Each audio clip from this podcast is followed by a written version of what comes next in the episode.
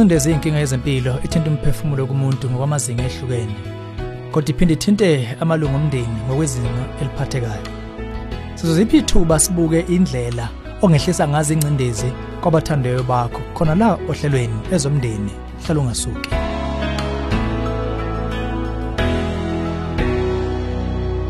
Ngiphinde ngikubekelele.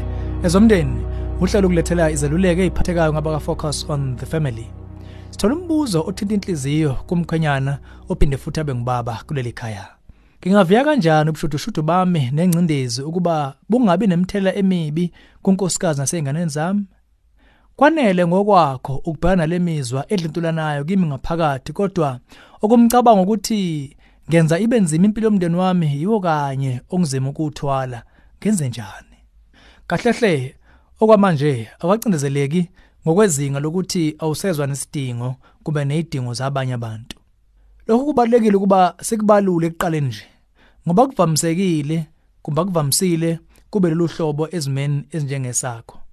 Abantu abaningi abagula ngencindezi bayikhipha kubantu beze bengabe sakwazi nokubacabangela utho abanye abantu.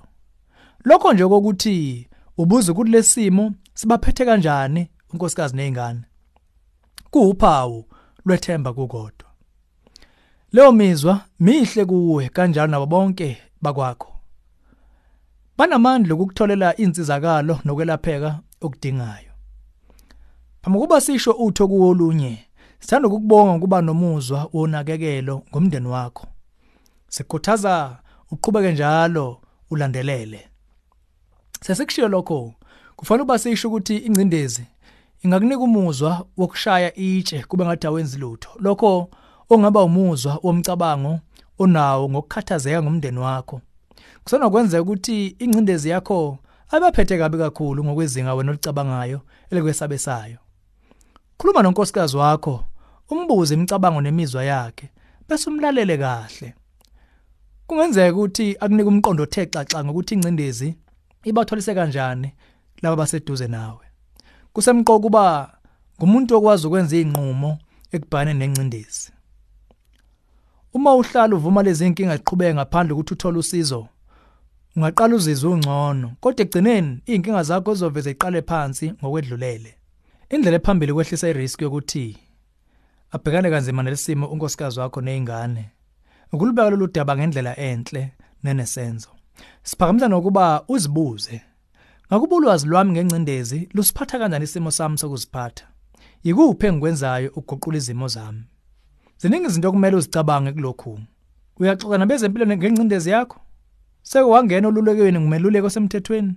Ngakube khona amaphilisi angencindezi owadlayo? Uma kuwukuthi sikhona kulezi idebhu osuyithathile sikushayela ihlombe kulokho. Uma ubungakaqali sikhuthaza ngokuqinile impela ukuthi uqale ngokungananazi.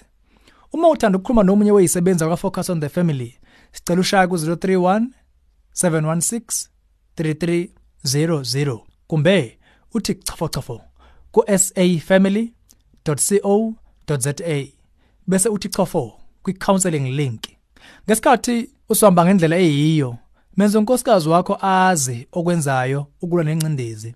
Lokho kungawugqugquzela kuye lokho kuzomenza azizwe enenani kuwe ukwazi ukuthi uyayilungisa lenkinga yakho.